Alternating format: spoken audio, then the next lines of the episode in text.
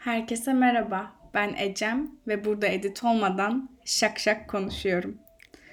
Bunu size en son söylediğimde 36-42-26-45 sınırları içindeki evimde yine yorganımın altındaydım. Şimdi e, paralelini ve meridyenini bilmediğim bir ülkede, bilmediğim bir şehirde kiraladığım odadayım.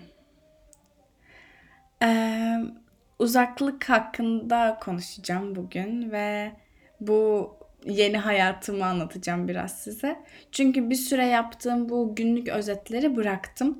E, uluslararası arkadaşlar edindikten sonra e, bir nevi onların da dedikodusunu yaptım. Böyle bir paragraf yazma fikri bana çok doğru gelmemeye başladı. Kusuruma bakmayacaksınız artık.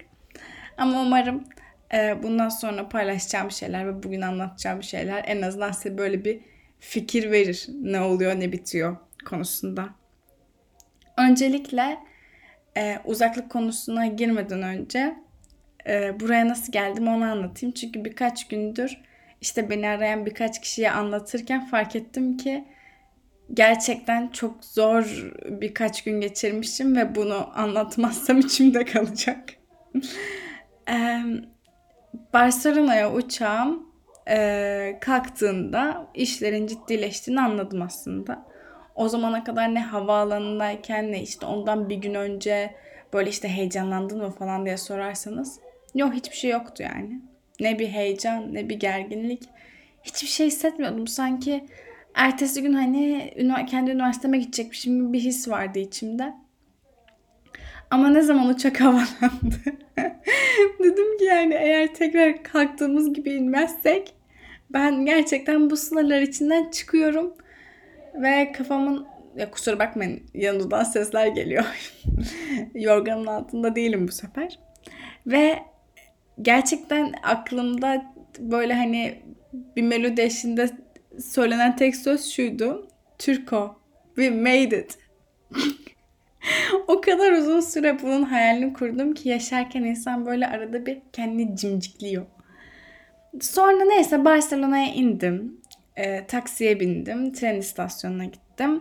E, trenimden 3 saat önce gelmiştim. Bunu bilerek yaptım hani herhangi bir şu aksilik olursa hani zamanım olsun diye.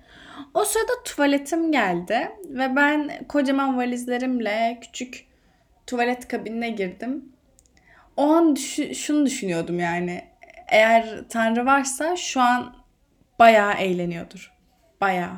Çünkü o küçücük tuvalet kabininde kocaman valizlerin üzerine işememeye çalışırken gerçekten böyle ağlamamak için hem kendimi zor tutuyordum hem de bütün aslında hayatımın ve muhtemelen Erasmus'taki günlerimin de bu kadar absürt ve ecemsi geçeceğini o an anlamıştım. Ee, sonra trene bindim. Trenden indim. Geldim eve. Ev sahibi işte evi anlatıyor. İşte camı yeni yaptırdım bilmem ne bir şeyler anlatıyor. Ben de yatağın üstüne bakıyorum. Bana çünkü demişti ki ihtiyacın olan her şey var. Ee, ben de yatağın üstüne bakıyorum. Yatağın üstünde yastık var. Ama ne çarşaf var, ne yastık kılıfı var, ne de yani üstüme örteceğim bir şey var. Ben de diyorum ki ya dolabın içindedir ya da bazadadır hani. Bazanın altındadır yokmuş arkadaşlar. Ee, ve ben biraz hastaydım geldiğimde. Ayağıma atkı doladım. Üstüme iki tane sweatshirt giydim. Bu şekilde uyumaya çalıştım. Anneme gecemin fena geçmediğini söyledim ama baya kötü geçti gece. Sonra sabah ilk iş koşarak yorgan almaya gittim.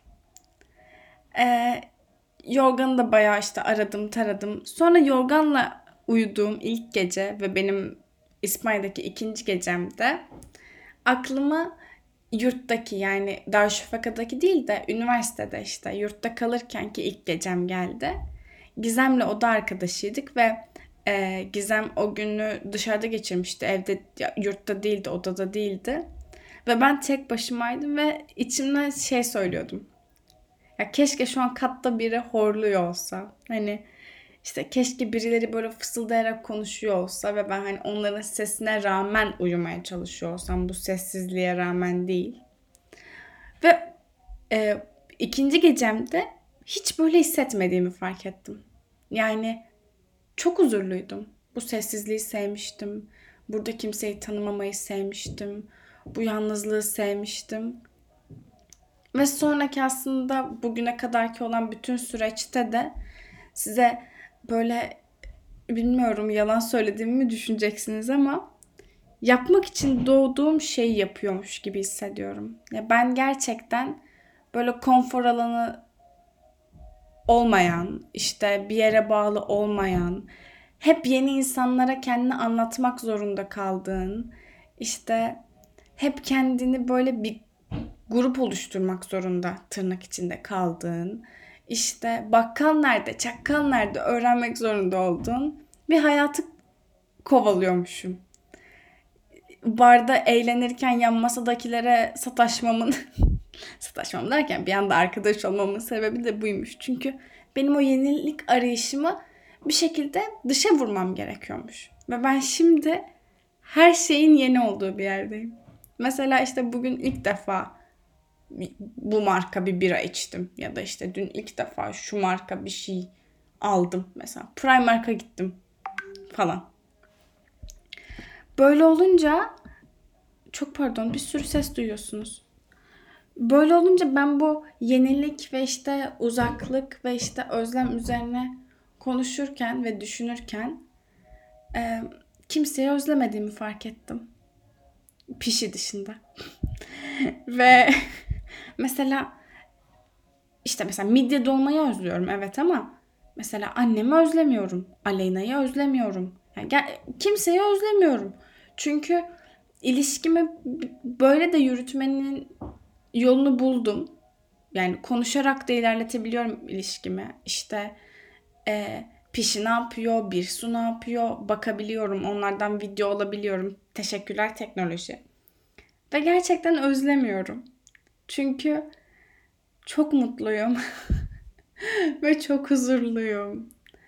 Ee, yani Türkiye'nin politik ve sosyal durumundan da bağımsız bu yani. Hani bunun hakkında konuşan da bir sürü insan görebilirsiniz sosyal medyada ama benim bahsettiğim öyle bir huzur değil yani Türkiye gündem, gündeminden uzaklaştığım huzuru değil. Benim huzurum sanki e, hani hep diyordum ya ben mutlu olan birine bakıyormuşum gibi hissediyorum. İlk defa mutlu olan benmişim. İlk defa işte bu sokakta yürüyen benim, bu insana tanışan benim, kendini anlatan benim, kendini birkaç kişiye de sevdirmeyi başarmış olan benim. E bana helal olsun.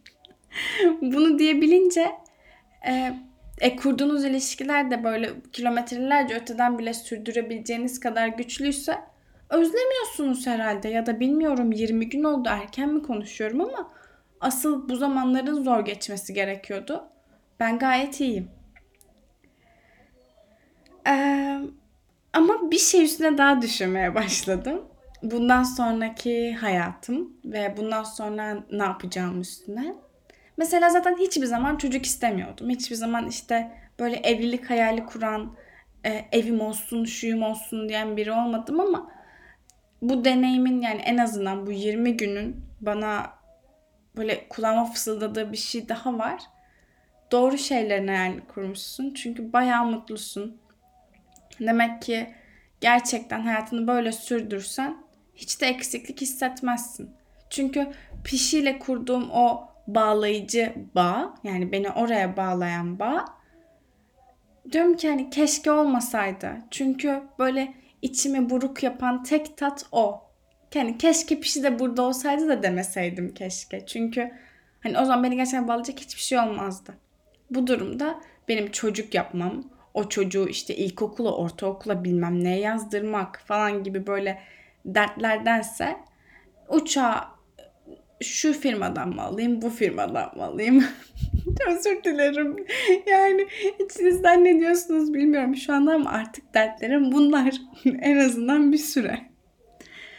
Ee, ama yine de sizinle vakit geçirmeyi e, ve sizinle eğlenmeyi özledim. Mesela işte sokakta bir grup gördüğümde ha işte ya biz aslında bunu daha iyi yapıyoruz falan diyorum. İşte aa diyorum şu şurada olsaydı bunu da benle şöyle yapardı falan. Evet şey isim vermeden konuştum değil mi? Çok kusuruma bakmayın. Ama fark ettiyseniz sizi kendi yolculuğuma ortak ediyorum. Kendimi hiçbir yere bağlamıyorum. Ee, bu bölüm galiba diğerlerinden daha uzun oldu. Ama kendimi iyi açıkladığımı düşünüyorum. Bundan sonra ne zaman tekrar otururum ve şak şak konuşurum bilmiyorum ama Twitter'ı sildim ben. Yani Twitter'a girmiyorum. Çünkü işte her şey bu kadar tırnak içinde pozitifken negatif hiçbir şey okumak istemiyorum ve Twitter inanılmaz negatif bir yer. Ama bir yandan da aklıma inanılmaz komik şeyler geliyor böyle yazabileceğim. Bugün bir suyla konuşurken bir suya bu derdimi söyledim. Yani dedim ki ben tweet atmak istiyorum ama Twitter'a girmek istemiyorum. Ne yapacağım? O da dedi ki hani yani dedi gir o zaman okuma tweetleri falan ama bana bu fikir de çok şey gelmedi. Ben de dedim ki en azından hani böyle en benim için böyle özel olan tweetimi sizinle paylaşıp bu kaydı kapatayım. Ee, bir sürü bey var ama ah bir bey var. Üç nokta. Artık gerisine siz tamamlayın. Ee, sizi öpüyorum. Kendinize çok dikkat edin. Bana yazın. Ne zaman dönerim bilinmez. Göz kırpmayın surat ifadesi. Öptüm sizi. Muah.